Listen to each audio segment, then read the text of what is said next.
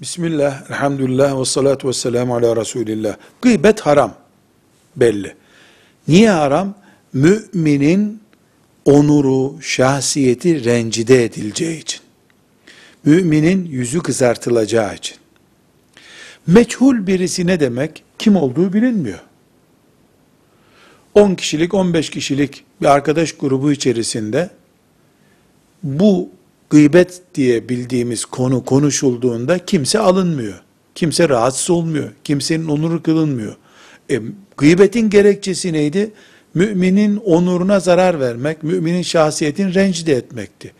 Meçhul bir kişi konuşulduğunda böyle bir endişe oluşmuyorsa gıybetin haram olduğu ilkesi de burada uygulanmayacak demektir. Dolayısıyla meçhul birinin gıybetinin yapılması haram değildir. Velhamdülillahi Rabbil Alemin.